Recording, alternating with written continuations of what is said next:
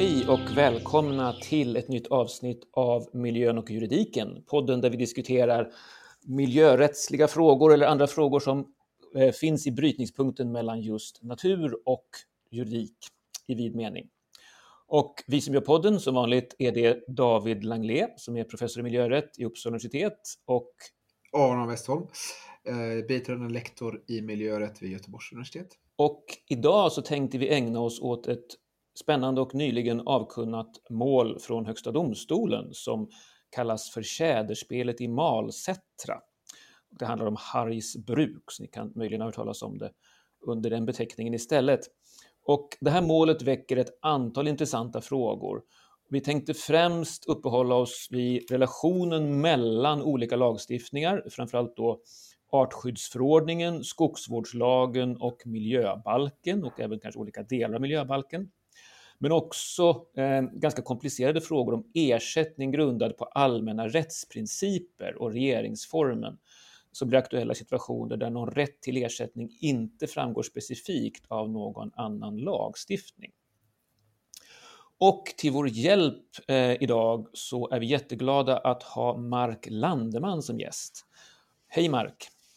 Hej, tack för att jag får komma hit. Ja, jättekul att du ville. Du är universitetslektor i civilrätt i Uppsala och du forskar specifikt inom området speciell förvaltning, förlåt, speciell fastighetsrätt ska jag säga. Och eh, särskilt inriktad mot frågor som handlar om markanvändning, markåtkomst och ersättning. Stämmer det?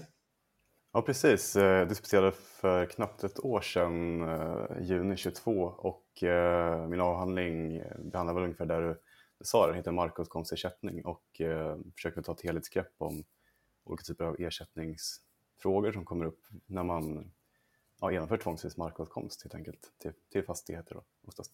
Även rådighetsinskränkningar kom in lite grann där som vi temat idag. Mm. Jättespännande och vi ska verkligen se fram emot att höra dina perspektiv på de här frågorna. Ja, eh, jag tänkte ge en liten kort inledning bara till det här målet som då Högsta domstolen avkunnade i april i år och som alltså handlar om att eh, en skogsägare som heter Hargs bruk, de ville ha en föryngringsavverkning, alltså ett kalhygge, av 17, drygt 17 hektar skogsmark på sina ägor. Men Skogsstyrelsen, eh, de anmälde då till Skogsstyrelsen den här avverkningen som man ska göra och Skogsstyrelsen då beslöt att förbjuda avverkningen med hänvisning till artskyddsförordningens fjärde paragraf. Och anledningen var då att man menade att avverkningen riskerade att skada eller förstöra fortplantningsområden och lekplatser för tjäder. Beslutet skulle gälla omedelbart, men däremot inte om Länsstyrelsen skulle bevilja dispens från artskyddsbestämmelserna för den här avverkningsåtgärden. Hargsbruk överklagade beslutet till Mark och miljödomstolen ehm, och de avslog överklagandet. Och sen avslog också Länsstyrelsens, Länsstyrelsen anslog, avslog Hargsbruks ansökan om dispens enligt artskyddsförordningen. Och efter då de här två avslagen så stämde Hargsbruk staten genom Kammarkollegiet och yrkade då istället ersättning för det intrång som man menade att Skogsstyrelsens beslut innebar i bolagets verksamhet. Och kortfattat kan man säga då att Mark och miljödomstolen de eh, beviljade talan här och förpliktade staten att ersätta bolaget med drygt 3 miljoner kronor. Målet gick vidare upp till eh, Mark och miljööverdomstolen, MÖD, och de ändrade inte domslutet än att de räknade upp beloppet med konsumentprisindex. Och slutligen så hamnade målet då i Högsta domstolen och det är väl det vi kommer att uppehålla oss vid framför allt. Man kan väl eh, säga att eh, Högsta domstolen inte heller ändrade egentligen annat än att räkna upp beloppet, men de förde ett lite annat resonemang i alla fall i vissa delar. Men jag tänkte, det här är ju ganska snårigt. Eh, Aron, har du möjlighet att försöka hjälpa oss att förstå relationen mellan skogsvårdslagen, artskyddsförordningen och miljöbalken här? Hur spelar de tillsammans? Ja, eh, jag, jag, kan försöka i alla fall. Det är ju lite snårigt och den frågan har ju varit uppe tidigare i andra ärenden, bland annat ett ärende som brukar, eller ett mål som brukar kallas för lavskrikemålet, som egentligen var fem stycken olika mål där Mark och miljödomstolen i Östersund meddelade dom samtidigt. Och, och där var frågan då om Eh, eh, dels hur de här lagarna hänger ihop, men också om vem som är tillsynsmyndighet. För att där hade Skogsstyrelsen också stoppat en avverkning med stöd av, med hänvisning till artskyddsförordningen. Och då sa först Mark och miljödomstolen att det kunde de inte göra för att de var inte, de var inte tillsynsmyndighet i förhållande till artskyddet utan bara till skogsbruket. Eh, vilket ju, liksom, alltså de är tillsynsmyndighet då enligt skogsvårdslagen men inte artskyddsmyndighet. Vilket ju blir lite komplicerat då eftersom man också har tillsyn över allt skogsbruk. Men, i, men det har prövats senare och det överprövades väl eh, av MÖD också då vill jag minnas. Och där kom man fram till att ett sånt här, och det är så här då lagarna sitter ihop att en anmälan, när man ska avverka skog så måste man anmäla det till Skogsstyrelsen. Och det betraktas som en anmälan för samråd enligt 12.6 i miljöbalken. Så det är där miljöbalken kommer in då, miljö, miljöbalksreglerna aktualiseras i sådana här avverkningsärenden. Har du lust att säga något uh, kort bara, 12.6 miljöbalken, för de som inte kan ja, miljöbalken utan till? Ja, det, absolut. 12.6 är ju då en, en, vad ska man säga, liksom en slaskbestämmelse för alla sådana typer av verksamheter som inte har någon anmälnings eller tillståndsplikt i övrigt enligt miljöbalken så finns 12.6 att om det ska ske en väsentlig förändring av eh, naturmiljön så måste man anmäla det till samråd och då får tillsynsmyndigheten fatta de beslut som behövs för att se till att reglerna i miljöbalken följs. Och i det här fallet är det ju då Skogsstyrelsen som är tillsynsmyndighet enligt skogsvårdslagen och därför blir de också tillsynsmyndighet, eller kan i alla fall vara det. Det kan också Länsstyrelsen vara i förhållande till artskyddet i det här fallet. För artskyddsförordningen är någonting som följer av miljöbalken också, eller den är ju beslutad med eh, vad heter det, bemyndigande i miljöbalken. Ehm, och här i förhållande till ersättning eh, så är det här också en viktig fråga då att artskyddet är inte det berättigar ingen ersättning enligt reglerna i grunden i alla fall, enligt reglerna i miljöbalken. För det är inte ett områdesskydd. Oftast är det det områdesskydd när man inrättar till exempel ett naturreservat. Då har ju markägaren rätt till ersättning eh, för det intrånget då, att de inte kan använda sin mark. Men det, det, det gäller inte när det kommer till artskydds, ja, inskränkningar med stöd av artskyddsförordningen. Då. Eh, och det har väl flera olika skäl. Ett, eh, liksom ett, det rättsliga är väl att eh, domstolen har ju flera gånger det, dels att det inte finns någon tydlig liksom, lagreglerad koppling, men domstolen har också flera gånger sagt att artskyddsförordningen är att betrakta som ett förtydligande eller en precisering av de allmänna hänsynsreglerna. Och de allmänna hänsynsreglerna måste ju alla följa, alltså det om man, om man bryter mot hänsynsreglerna så, så gör man ju någonting som inte längre är laglig markanvändning och det kan man ju aldrig få ersättning för. Och om artskyddet då ses som en precisering av de allmänna hänsynsreglerna så är de också en precisering av vad som utgör laglig markanvändning, om man säger så. Så därför har det liksom, traditionellt då varit så att man har inte fått någon ersättning. Uh, och sen så är det rent logiskt tänker jag också att det har att göra med att en art kan ju flytta på sig. Om vi säger att det finns en svamp i en skog som försvinner efter fem år, då kan man ju avverka då. Eh, så att eh, om man då har fått en full ersättning för att man inte får avverka så kan ju det också få lite eh, knepiga konsekvenser, tänker jag. Ehm, men jag vet inte hur djupt man ska gå i det här riktigt, men det, det, liksom, den här frågan om ersättning i förhållande till artskyddsinskränkningar har ju också tagits upp av MÖD tidigare i ett mål som heter kallas för bombmurklan. Där det var där, där det här just, den här situationen uppstod och där MÖD kom fram till att det inte framstod som proportionerligt att eh, man inte fick någon ersättning vid inskränkningar enligt artskyddsförordningen, men man får det eh, vid områdesskydd. Så där eh, skapade ju domstolen en ny dispensgrund och sa att om pågående markanvändning avsevärt försvåras eh, vid beslut om artskydd så ska Länsstyrelsen ge dispens helt enkelt. Om de inte, eller inrätta ett områdesskydd. För att eh, annars blir det liksom, det får sådana konsekvenser för markägaren och det finns ingen ersättningsrätt kopplad och det är inte, ja, det handlar ju om proportionalitet men också någon typ av rättvisa i förhållande till andra markägare vars markanvändning inskränks eller sådär. Det, alltså, det finns jättemycket att säga om bombmurklemålet, men jag tänker att jag, jag, jag kanske stannar där. Och, ja, och tänker, ja, men tack. Det finns ju många mål som kan vara intressanta här. Det finns ju andra mål som kanske kopplar mer till eller också professionalitet och ersättning och så. Det finns den här, det brukar kallas för parkfastigheten också från HD. Det finns ett mål som kallas för båthuset i Säverum har jag för mig och så vidare. Jag tänkte innan vi liksom sätter in det här i en större kontext så eh, Mark, har du lust att liksom bara sätta in oss lite grann i resonemanget kring just ersättningsfrågan i den här tjäderspelsdomen? Ja, men absolut, det kan jag göra. Och eh, man kanske ska ta en lite kort bakgrund till RF och den ersättningsregel som finns i RF. Eh, den finns ju nu idag i RF 215. Tidigare sätter den i RF 218, man, man flyttar den till 15 istället. Men just den här situationen när det är rådighetsinskränkningar som genomförs så har det varit en ganska stor följetong kanske sedan eh, RF reformerades i mitten på 90-talet. Mm. Förlåt, förlåt. får jag bara säga, precis då som, som Aron var inne på så är det ju nämligen så att det finns ju inte något uttryckligt stöd i miljöbalken eller någon annanstans för att man ska få ersättning. Och därför så går man liksom tillbaks till regeringsformen och går på de här mer allmänna skrivningarna om skydd för äganderätten. Precis, ja. och eh, äganderätten finns i, i, i 2.15 då, då, idag.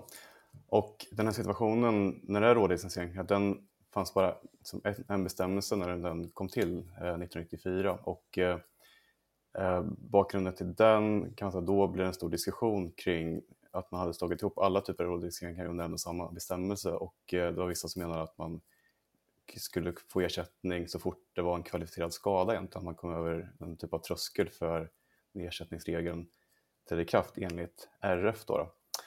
Och det ledde till att regeringsformen reformerades igen 19, eh, 2010. Att då så la man till ett tredje stycke där man förtydligade att, att, att det inte finns en ersättningsrätt eh, enligt RF i vissa situationer och det är sådana inskränkningar som sker för hälsoskydd, miljöskydd och säkerhetsskäl. Men i de förarbetena som ligger bakom 2010 års reformering då resonerar man som att det kan finnas en ersättningsrätt ändå trots att, att, att, att någon typ av huvudprincip säger att, att det inte ska finnas det, även i de här tredje stycket fallen.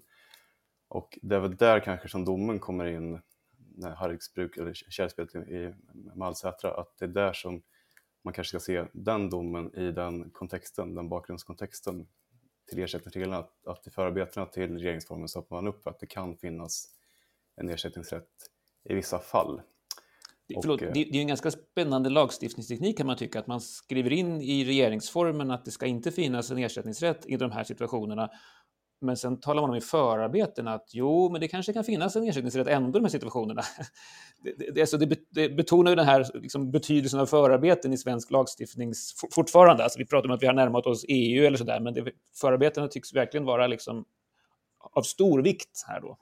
Och det är ju också eh, liksom den här spännande distinktionen man då implicit gör genom att säga miljöskydd, att man då inte inkluderar det som kallas för naturvård och att man då på något vis försöker göra en tydlig, en tydlig gräns mellan vad som är miljöskyddande åtgärder eller lagstiftning och vad som är naturvårdande. Det är ju också, vet jag inte, kan man ju också säga mycket om. Men är tanken då att miljöskydd är typ så där, utsläpp från skorstenar liksom, eller avloppsrör medan naturvårdande ja, men, det är areella näringar? Eller hur ska man ja, tänka? precis. Eh, det, tanken är väl att miljöskydd tar sikte på sånt som stör miljön. Eh, naturvård tar ju sikte på att skydda naturen då, snarare. Så att precis artskyddet räknas väl traditionellt som, eller som naturvårdande. Eh, och, men skogsbruk är inte en miljöstörande verksamhet på det viset. Det är ju inte definierat som en miljöfarlig verksamhet. Eh, så därför träffas ju alltid eh, Därför är det ju också så att man ofta får ersättning i skogsbruket och behöver sällan stå några kostnader själv för att man inte räknas som en miljöstörande verksamhet utan som en verksamhet som blir utsatt för den naturvårdande lagstiftningen om man säger. Fast mycket, det, av det man, mycket av det man gör inom skogsbruket faller väl i och för sig inom definitionen för en miljöfarlig verksamhet i ja. kapitlet i miljöbalken? Eh, det kan man absolut säga, tycka att det gör. Men eh, liksom, eh, vad ska man säga, systematiskt så, så, behandlas det traditionellt så här. Och jag tänker mig också att det kan ha lite att göra med, skogsbruket har ju utvecklats enormt eh, de senaste 30-40 åren mm. i, hur man, hur, i hur man går tillväga och kanske har blivit mer industriellt också och blivit mera miljöstörande. Men, men det behandlas inte som en miljöfarlig verksamhet på det viset utan, utan det behandlas ju som en verksamhet då som blir påverkad av de här naturvårdande mm. eh, åtgärderna. Och de här två, man brukar skilja på andra stycket och tredje stycket är det ganska mycket just de här olika situationerna och de är ju svåra att hålla isär. Eh, åtminstone intuitivt så går de väl ganska mycket ihop eh, om man försöker liksom resonera sig fram till vad som verkar logiskt. Eh, och det är inte alltid det går ihop då eh, känner jag nog själv när man funderar lite för länge på det. Eh, så att de är ju svåra att hålla isär även om man försöker, försöker liksom sätta sig in i hur, hur borde det vara här så, så, är det ändå ganska svårt att, att, att, att, att hitta någon tydlig skiljelinje kanske mellan andra och tredje stycket i, ja, i av, av de situationerna. Så, och det är väl en, en, en, en, intressant fråga i sig, hur ska man behandla dem eftersom de faller under två huvudprinciper i svensk rätt kanske, att andra stycket situationer så brukar man ha en, en huvudprincip att det finns en rätt till ersättning om skadan är kvalificerad, men den finns inte i tredje stycket, då är det omvänt att då har man oftast inte någon rätt till ersättning i, i, inom svensk rätt. Så att vart man, vart de här två, eller vart, vart man hamnar de här två styckena har ganska stor betydelse, eller hur man klassificerar verksamheten, om den hamnar under andra eller tredje stycket. Då, alltså. Ja, och eh, om vi då går över till målet här, det aktuella målet som, som HD har dömt här, så finns det såklart en tydlig koppling till eh, regeringsformen i hur man går tillväga i sina resonemang och vad man bygger domen på i stora drag i alla fall. Och det är ganska mycket detaljer i domen och olika detaljer både från miljöbalken och kanske mer från, från eh, regeringsformsperspektiv också. Och kanske inte behöver gå igenom alla detaljer så noga eller kanske kan skippa vissa detaljer också. Men som en utgångspunkt är en att här finns det ingen rätt till ersättning enligt artskyddsförordningen kommer man fram till efter en ganska lång utläggning att, att här, som enligt artskyddsförordningen finns det ingen möjlighet att få, få ersättning för den här typen av rådighetsinskränkning. Då. Eh, och sen så fortsätter man resonemanget och säger att men det kan finnas en ersättningsrätt ändå som följer enligt RF och man säger väl i princip att den, den följer av någon typ av allmän princip som man stödjer sig på regeringsformen och den här jag är inte helt ny utan det har ju använts tidigare i ett fall från 2014, det var fiske i, i Tornell tror jag uppe, uppåt och där Ehm, hade man liknande problem, som skulle man få ersättning eller inte för fiskerestriktioner och då kom man fram att om det, här finns det också en ersättningsrätt som man stödjer, som man stödjer på regeringsformen. Då.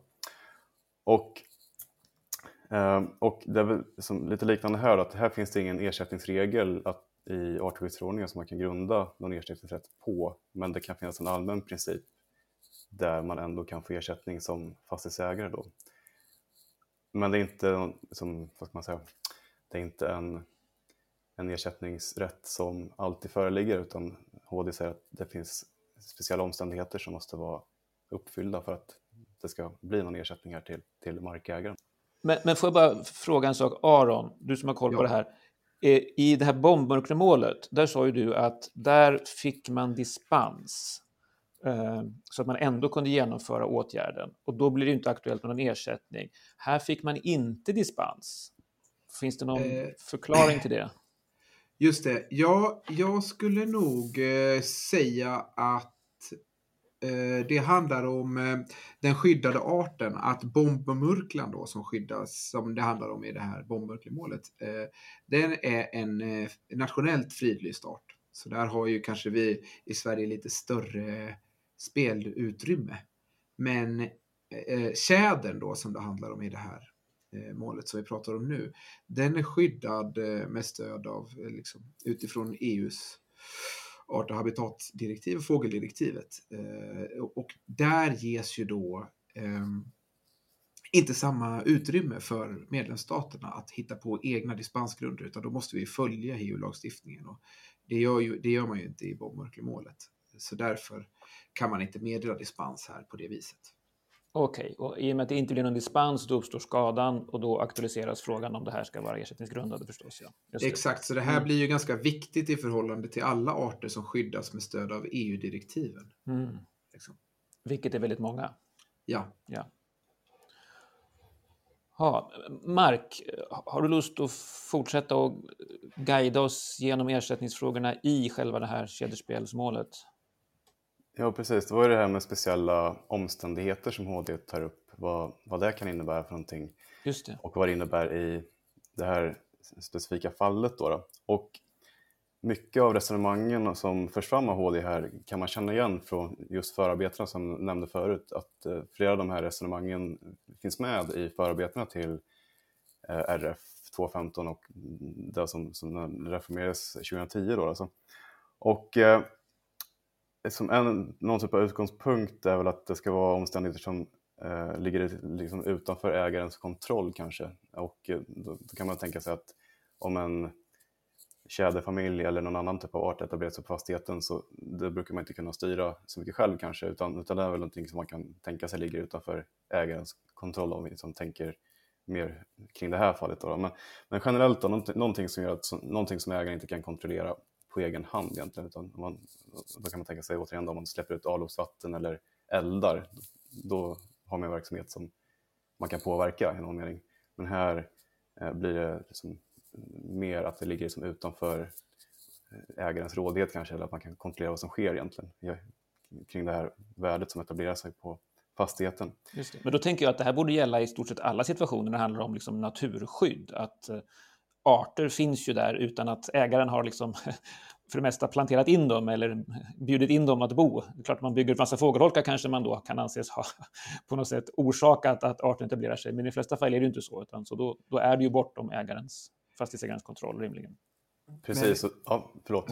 Ja, en, en central skillnad då i förhållande till utsläpp och sådär är ju frågan om vad som är pågående markanvändning. Att det är den som försvåras här. Att skogsbruk räknas alltid som pågående medan om du helt plötsligt eh, börjar eh, med något utsläpp så är det inte den pågående verksamheten utan det är en förändrad markanvändning då och det kan man, det kan man i princip aldrig få ersättning för. Utan det är ju inskränkningar i den pågående markanvändningen som är det som ersätts. Just det. Precis, och vi kan ju stanna där eftersom det kommer på tal här, den pågående markanvändning, att den ska avsevärt försvåras inom berörd del, står det i, i andra stycket i, i RF 215. Och, um, Eh, och där kan man också, som, innan vi går in på de här mer omständigheterna som ska vara speciella, så kan man notera att man säger att det måste, en förutsättning för att man ska kunna gå vidare och kanske pröva de här speciella omständigheterna är att markanvändningen, den pågående markanvändningen avsevärt försvåras inom den berörda delen. Då, så att det, måste, liksom, det är någon typ av grund att den måste vara uppfylld då, trots att det är tredje stycket man orienterar sig inom. Då, alltså. Så, att, eh, så den, den måste vara fråga om en pågående markanvändning som avsevärt försvåras inom berörd del. Eh, men det ska även vara speciella omständigheter då, och då, då sa vi att som dels att det ska vara liksom utanför ägarens kontroll men man säger även att det ska vara sådana omständigheter som drabbar ägaren särskilt hårt. Och det som var särskilt hårt, det kanske man kan fundera kring.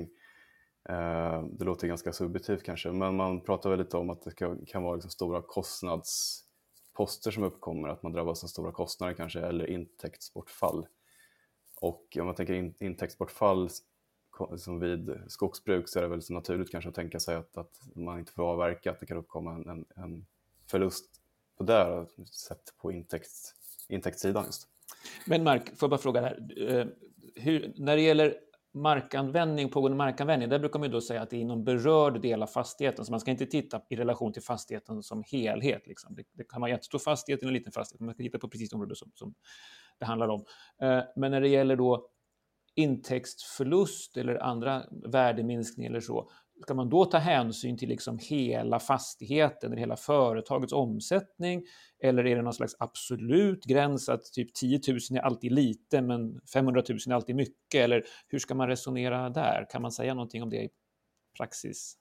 Ja, det är en bra fråga och eh, HD tar väl upp lite sådana aspekter när de eh, gör bedömningen i det enskilda fallet här och de aspekterna som man tar upp där, många av dem kan man känna igen från förarbetena till eh, eh de regler som finns i miljöbalken och plan och bygglagen, eh, skogsvårdslagen och kulturmiljölagstiftningen kring just avsevärt försvårande vid pågående markanvändning. Och då nämner förarbetena att man vid avsevärt försvårande ska beakta både den relativa skadan och eh, skadan i absoluta tal.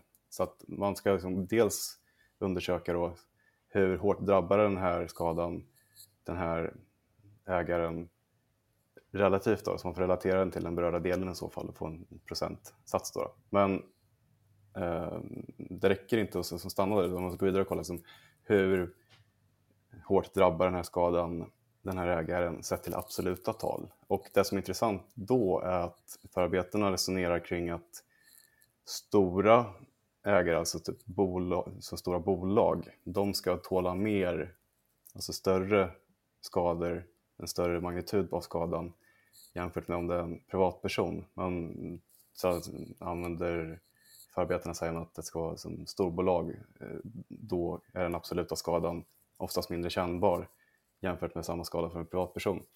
Så att man gör en typ av differentiering där mellan typen av ägare egentligen. Och det kan man känna igen i den här domen att man resonerar lite kring det också. Att man säger dels att det är ett bolag här som äger, äger marken eh, och att då kan, då kan man väl behöva ta lite mer kanske. Men eh, att, att det ligger liksom med i, i domskälen. Liksom.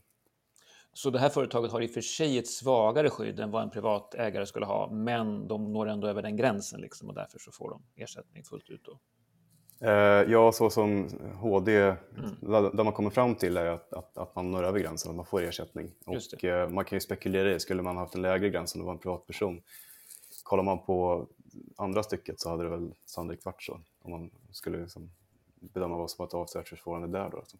Och om man tittar till exempel på det här bombmurklemålet så rör det sig om helt andra summor. Där är det ju en och en halv hektar skog som ska avverkas till skillnad, tror jag det? Nej, en och en halv hektar, är det Jag tror att det ja, stämmer. Tror, tror att det är det. Och, och i det här eh, Harris bruk vill jag avverka 17 hektar. Det är ju ett, 17 hektar är ju ett jättestort hygge. Ja. Om man jämför, liksom. Så, att, så att det är ju det är väldigt stora skillnader i summor. Ja, jag tror det är väl få som ifrågasätter att det här är en, liksom en allvarlig inskränkning. Det är 3-2,5 miljoner kronor och sånt där redan innan de börjar räkna upp det med konsumentprisindex.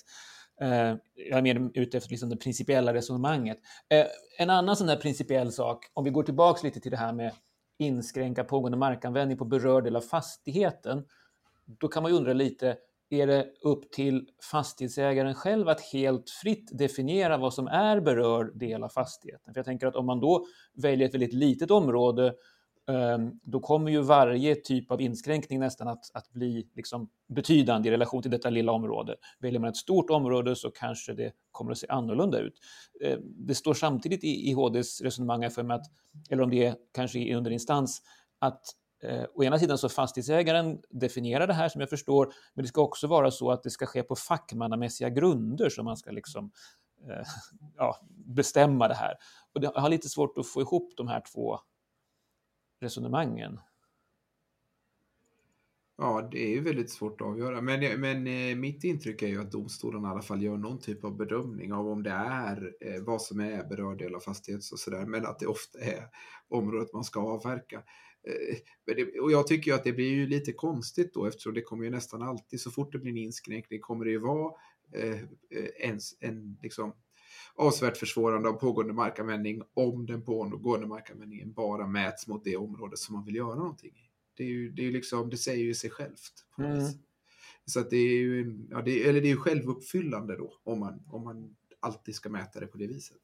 Jag vill minnas från förarbetena till, till, till eh, när den kom. Tidigare så fanns, då berörd el fanns inte från början utan det var ju en, något som kom till eh, senare. Och, eh, så tidigare var det väl fastigheten i sin helhet då, men, men, men eh, eh när berörd del kom till så resonerar man väl lite grann kring att det kan vara, man, man ger exempel i förarbetet, det kan vara ett skifte till exempel om det är skog eller en, en åker kanske, att man, man ger lite exempel och eh, nu minns jag inte riktigt, men jag tror man kanske pratar om typ en naturlig avgränsning kanske eller något i den stilen eh, för att friskriva mig mot, mot den förklaringen. Men man pratar om att det ska finnas någon typ av avgränsning som är mer som, som går att göra ändå på något vettigt sätt kanske. Och eh, det är väl liksom, man tar upp skifte då, ett skogsskifte till exempel, ett åkerskifte som någon typ av exempel på vad som skulle kunna vara en, en berörd del. Okej, okay, så man kan tänka sig i alla fall att eh, vid prövningen så skulle man kunna underkänna då fastighetsägarens indelning av berörd del därför att den inte känns, alltså den känns konstruerad just så att man ska få ersättning. Ja, precis. Det skulle jag säga. Att, eh, det skulle man kunna stödja sig på förarbetena med. Det skulle jag nog vilja påstå. Okej, tack.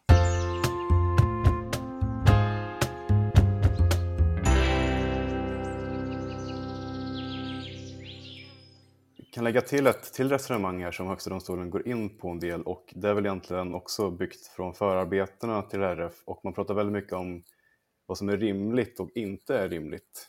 Och man för en typ av rimlighetsresonemang i domen kring när det inte längre är rimligt att ägaren själv ska bära kostnaden för den här typen av eh, som inskränkningar och skydd av, av arter. Då, då. Och eh, man kan väl se det som att Eh, Ehm, att, att viss, om man under någon typ, viss typ av tröskel kanske, då får ägaren själv bära bördan, för, bördan i form av kostnader då, för att den här arten, de här naturvärdena ska kunna liksom, bevaras. Då, då. Eh, och, eh, och det man som resonerar fram kring då kanske man kan säga att, det är som att vid en viss gräns eller viss nivå, på, när man som når över den här tröskeln, då är det inte längre rimligt att man som fastighetsägare ensam ska bära den här kostnaden utan då tänker man sig att ersättningen som jämnar ut bördorna mellan ägaren och samhället då, eftersom det är staten som betalar det.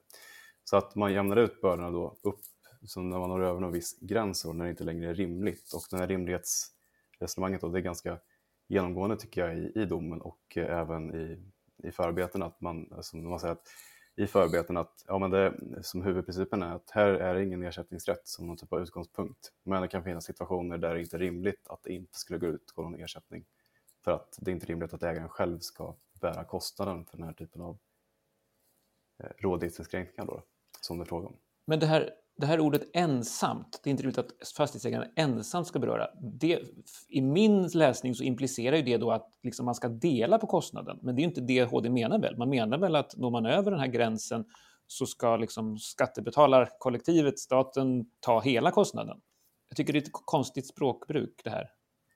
Uh, ja, det, precis. Det, det, det, är en intressant aspekt på det och uh det är en annan del i domen där man tar upp att man ska ersättas för skadan, säger man väl eh, i en punkt, att, att man ska bara få ersättning för skadan. Och i och för sig så säger man på ett tidigare ställe att man borde gå, utgå från 31.4 miljöbalken och då hänvisar den till expropriationslagen och då säger den att man ska få marknadsvärde plus 25 procent. Sen senare säger man att det är bara skadan som borde ersättas.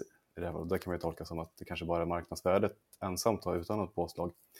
Men för att komma tillbaka till, till frågan du ställde där David, så kan man väl säga att, att eh, tidigare lagstiftning fram till 2010, 2010 skedde det väldigt många förändringar kanske. Man stärkte väldigt mycket, eh, som äganderätten väldigt mycket eh, till fastigheter då, så att ägarens, eh, säga, ägarens ställning stärktes väldigt mycket. 2010 var ett ganska viktigt liksom, år då, det skedde mycket. Eh, bland annat påslagsregeln då, men även att man tog bort det som kallas för toleransavdrag när det var ersättning som utgick enligt miljöbalken och plan och bygglagen vid på en markanvändning som avsevärt försvårades. Och den här toleransavdraget då, det blir, då blir det någon typ av fördelning av skadan mellan ägaren själv och samhället som betalar ersättning. Då, att man, man drar av någon typ av självrisk kanske man kan se det från, som, eller något, något i den stilen. Man, man nämner det i förarbetena till en annan lag som hade liknande, liknande mm, princip med, med toleransavdrag. Men oavsett hur man benämner det så kanske man säga som att, att då blir det en typ av fördelning av, av kostnaden mellan ägaren själv och samhället. Då, då. Och tanken med det var att det finns väldigt många ägare som inte når upp till den här tröskeln överhuvudtaget och då får man ju bära hela kostnaden själv. Och det fanns det någon typ av rättvisetanke att, att även de som kvalificerar, för, kvalificerar sig för ersättning, att de ska också eh, få vara med och bära då kostnaden för det som ligger under den här gränsen för vad, vad alla andra får tåla som fastighetsägare. Då. Så någon typ av liksom rättvisetanke fanns det då. Men den togs bort 2010 för att man ville stärka äganderätten kan man säga. Mm. Som, som jag minns det i alla fall när det gällde just miljöbalken och miljöskyddsfrågor så brukar man resonera att toleransavdraget handlade om att den miljöhänsyn som man alltid var tvungen att ta enligt framförallt då andra kapitlet, de allmänna hänsynsreglerna i miljöbalken, det var man ju inte ersättningsberättigad för. Och då skulle man inte plötsligt få ersättning för det när man hade gått över den tröskeln, i och för sig då, som hade i och för sig triggat ett ersättningsanspråk. Ehm, men, men nu blir det väldigt binärt. Liksom. Antingen så har man inte rätt till någon ersättning därför att det anses rimmas inom de allmänna hänsynsreglerna, eller så plötsligt får man full ersättning plus 25 procent. Och sen för att göra det hela ännu mer komplicerat så tolkar jag det som att i det här målet så säger väl instansen att egentligen så är artskyddsförordningens krav en precisering av de allmänna hänsynsreglerna. Så egentligen kanske man inte ens når över den gränsen som man egentligen borde vara skyldig att följa enligt de allmänna hänsynsreglerna. Men man har ändå då inte bara rätt till ersättning utan rätt till 125 procent. Så att de olika sätten att resonera eller de olika logikerna går lite i varandra på något sätt.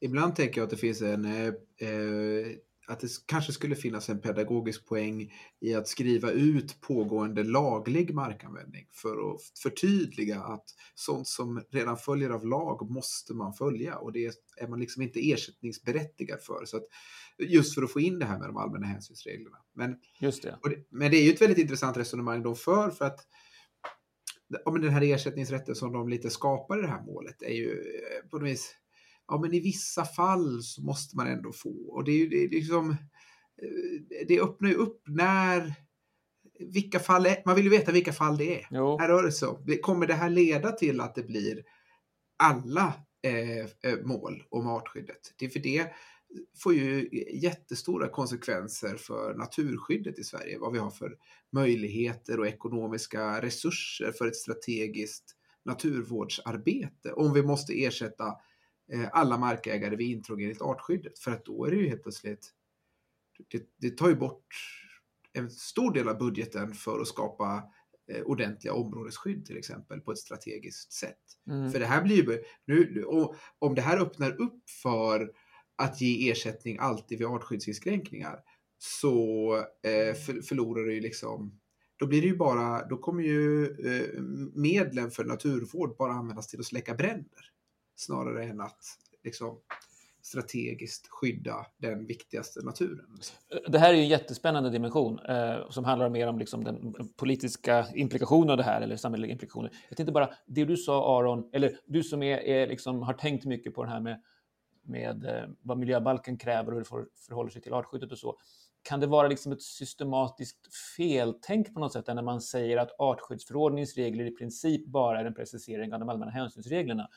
För då hamnar man i ett läge där uppenbarligen väldigt omfattande inskränkningar, som här kostar flera miljoner, liksom, eh, ska ses som att det bara är en precisering av de allmänna hänsynsreglerna, vilket vi då normalt sett skulle säga inte ska trigga något ersättningsanspråk. Men här mm. måste vi ändå säga att det ska vara ersättning därför att i absoluta termer är så omfattande.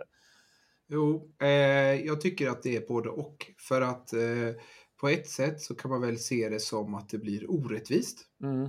Eh, i förhållande till markägare som får ett naturreservat och får 125 procent av värdet. Eller ett biotopskyddsområde eller vad det nu är. Liksom. Om de nu är ersättnings... Ja, det, jag är ut på tunn is. Men, men min, min viktiga poäng är ju att de här i Harrys bruk, säg att om 5-10 eh, år har klimatförändringarna eller vad som helst gjort att det inte längre är gynnsamt för tjädern att eh, spela i på Harrisbruk, på deras marker. Då finns det ju ingenting som hindrar att de avverkar den här skogen och får hela vinsten då. Och då har de ju först fått tre, drygt 3 miljoner av staten här. Men det är ju inget formellt skydd som gäller för en liksom, evig tid eller ens för en viss tid framöver. Utan det är ju bara så länge den här arten finns här och är värd att skydda. Och det är ju en jättestor skillnad i förhållande till de formella områdesskydden. Kan man säga att det är ett strategiskt misstag från statens sida då att man betalar ut det här som en ersättning och att man inte har lagt pengarna på att inrätta ett formellt skydd på platsen i sådana fall? När man nu ändå har betalat så att säga så här mycket. Eh, ja, det är väl eh, inte... Är det ett strategiskt misstag från... Staten kanske inte riktigt förutsatte heller att... Nej, nej, i och för sig. I för sig. att artskyddsförordningen skulle tolkas på det här viset eftersom artskyddsförordningen inte är uttryckt så. nej. Inte heller Men fra, framöver kanske det blir då att man måste tänka mer i termer av områdesskydd helt enkelt. Ja, precis, men det ökar ju behovet samtidigt som vi ser att naturvårdsbudgeten mm. eh, liksom stryps så eh, agerar domstolen på ett sätt som gör att naturvårdsbudgeten skulle behöva ökas på väldigt mycket om vi ska kunna göra det här på en strategisk nivå och inte bara som en släcka bränder. Eller för, för, att det andra alternativet är ju också att det blir som det har blivit med de nationellt fridlysta arterna. Jag vet inte om ni såg att DN hade en reportageserie om det här. Att nu, nu finns det folk som inventerar då efter till exempel knärot. Och så hittar de den och säger titta här, här borde vi tillämpa artskyddet. Och då säger Länsstyrelsen, ja enligt bombmurklemålet så ska vi här då meddela dispens för markägaren. Och då har man ju istället undergrävt hela artskyddet. Mm. Så att det inte, det liksom fyller ju inte längre en funktion då om det innebär en avsevärt försvårande av pågående markanvändning en reflektion där på det du sa nyligen där kring liksom hur, hur, hur mycket ersättningsrätt har man skapat här genom domen egentligen? När, när kan man få ersättning och när, när får man inte ersättning? Och jag tror att en lite försiktig spaning är väl att, att eh, in, i alla fall inte fråga om att man alltid ska få ersättning utan, utan att det är en tröskel som, som man måste nå över och den tröskeln är ju högre än tröskeln för enbart avsevärt försvåra pågående markanvändning inom berörd del. Så att här har vi en tröskel som är, som är högre. Sen, vet, sen är det svårt att säga kanske hur mycket högre är den i de här fallen och liksom när, när blir ersättningen och när får markägaren tåla det här utan någon, någon rätt till ersättning. Det är väl en, en Eh, en fråga som är svår att besvara enbart med stöd av det här rättsfallet utan, utan det kommer nog vara fler fall som kommer komma i framtiden är väl en försiktig spaning här kan jag tänka mig. Eh, för att man måste kanske få mer praxis på när, som, när är man över tröskeln och när befinner man sig under. Eh, nu var det en ganska stora belopp som man frågade om. Jag tänker artskyddet kan ju kicka in på betydligt som mindre arealer när skadan är mindre men fortfarande kanske kännbar för en ägare.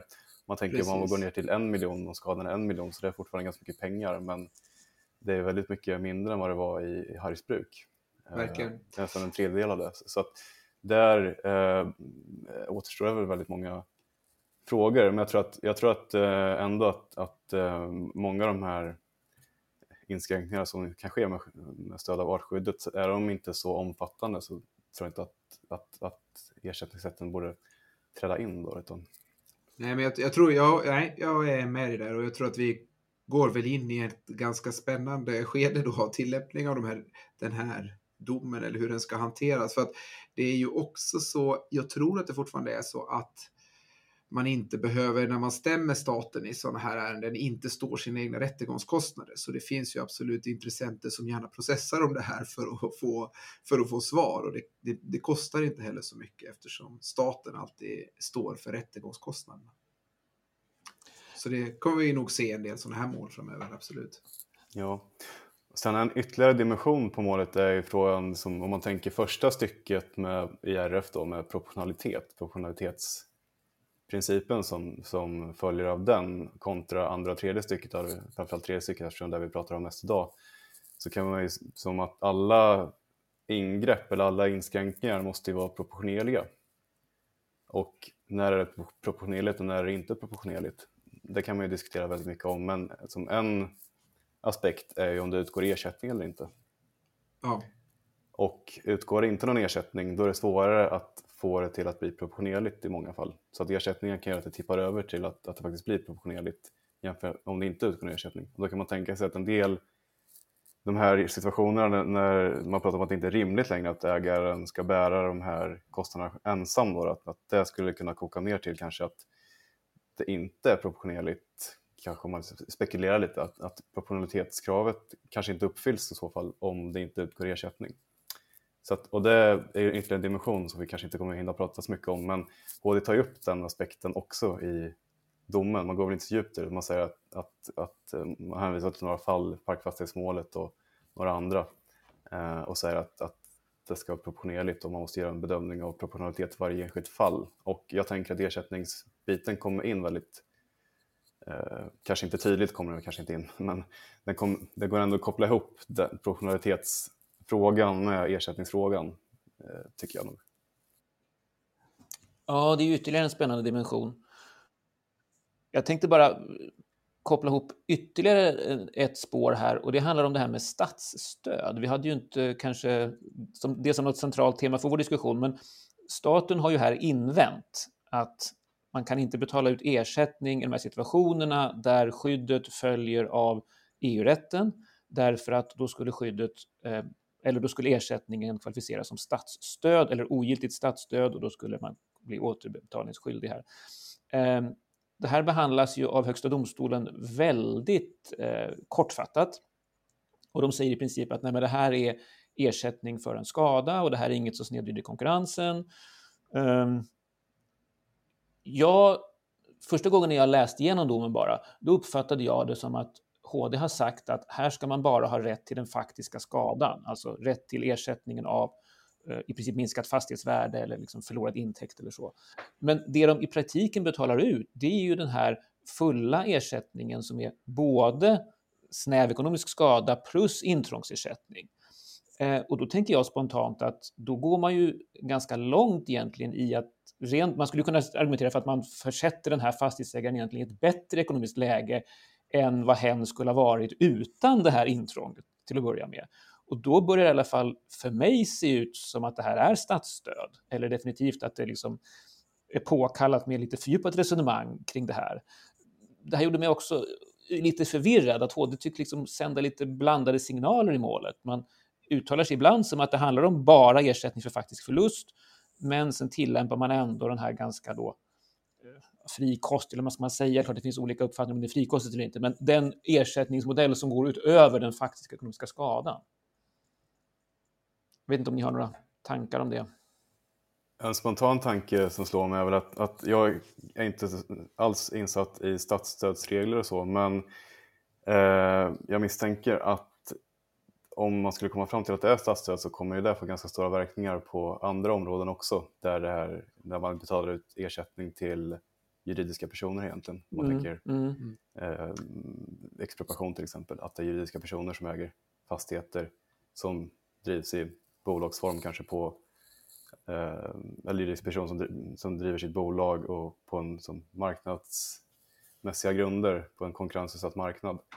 Eh, där kan man tänka sig att man skulle kunna ha en liknande eh, resonemang i så fall kring det. Någon spontant tanke att den kanske går liksom den frågan spänner ganska brett.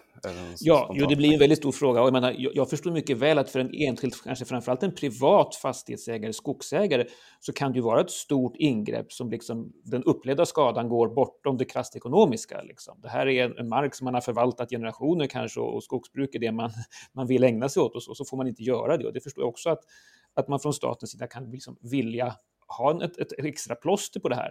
Men, men när det är stora kommersiella verksamheter så ligger det ju närmare till hands att tycka att det här är ett sätt att liksom få dem, sätta dem i ett bättre läge egentligen än vad de skulle ha varit utan statens ingripande.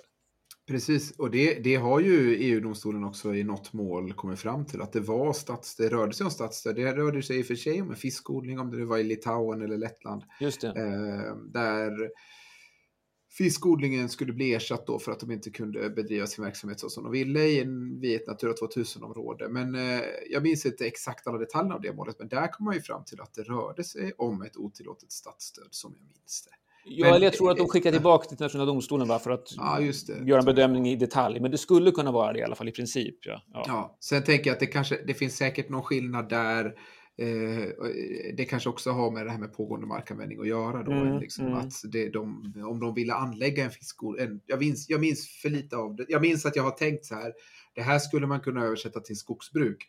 Och sen har jag tänkt, ja fast det kanske inte är helt eh, jämförbart ändå. Det känns som att vi behöver ett nytt poddavsnitt om statsstöd här snart. ja, då får vi bjuda in någon som någon som kan mer än oss. Ja, ja, precis. Men vet ni vad, tiden går. Eh, vi behöver avrunda. Eh, har ni några slutliga reflektioner, något ni tycker att vi inte har fått upp i diskussionen hittills? Motiven till påslagsregeln när den kom, de har ju någon typ av idealsituation eller typsituation där man föreställer sig en privatperson kanske som får sin bostadsfastighet i anspråktagen. Man pratar mycket om individuella värden och eh, en del kring, kring det, att man kan ha värden som går utöver marknadsvärdet av egendomen och så pratar man en del om, mm, lyfter in motiven också, att det kan vara vinstdrivande aktörer, att det motiverar en högre ersättning för att vinstdrivande aktörer kan bedriva tvångsvis markåtkomst för att inrätta sina verksamheter som går med vinst och det kan bli stötande och då borde man liksom få, som, få, få lite mer ersättning på grund av det. Då. Och det här individuella värdet som sagt, att, att som det finns värden som går utöver det strikt som marknadsekonomiska och det borde man liksom beakta också. Och så är det värderingsosäkerhet som man lyfter in också. Att det är de här värderingarna när man som bestämmer vad är marknadsvärdet i en, i en sån rättslig situation, att det är förknippat med väldigt mycket osäkerhet och då får man tänka hur ska man fördela risken för den osäkerheten? En risk, en, en, ett sätt att fördela risken är väl att, att höja ersättningen så att den som får sin mark i anspråk tagen drabbas av mindre risk för att få bära förlusten av en felaktig värdering. Då, alltså. Eh, men om man tänker sig skogsbrukare, skogsfastighet då, och eh, naturvårdande ingrepp, då faller ju många av de här motiven bort egentligen.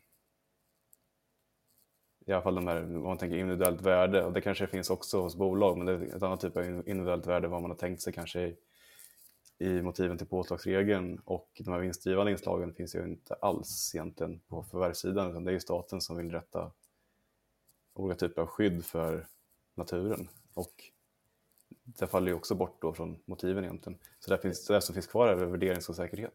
Jag tänker att till viss del eh, ska man inte underskatta de individuella värdena som eh, skogsägare har då i termer av eh, alltså, det är liksom inte skogen i sig, träden i sig, utan det är mer idén, det tror jag i alla fall, eh, liksom upplever jag ifrån skogsdebatten, att det mer handlar om liksom känslan av inte att få ha skogen, men att få bruka skogen. Att det individuella värdet som bara är så här, men den här skogen har vi brukat i generationer och om vi inte får bruka den längre, då tappar den sitt värde. Att det, in, det är liksom inte värdet av att kunna gå i skogen som, som är värdet, utan det är liksom värdet av att kunna bedriva ett aktivt skogsbruk. Sen kan man ju såklart ifrågasätta om det är ett sånt individuellt värde som man tycker är värt att lägga på ett påslag för. Men jag tror att det är liksom att man inte ska, eh, man ska nog inte underskatta det. Jag. Jag, jag. köper det du säger, men jag tror att det gäller för vissa ägarkategorier. Jag tror att när det är storbolag så tror jag att det är mer...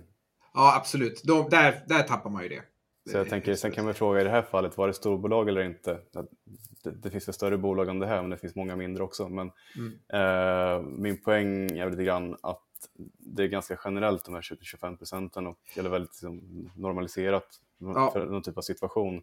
Men i de här fallen så när det blir kanske stora skogsbolag så tappar ju motiven sin, sin, sin styrka ganska mycket skulle jag säga. Även om man såklart, är det privatpersoner som bedriver skogsbruk så absolut, det kanske är som är det finns väldigt höga individuella värden där som inte fångas in av marknaden. Men jag tror att eh, många av de här skogsbolagen så, så, motiv, liksom, så faller motiven bort lite grann.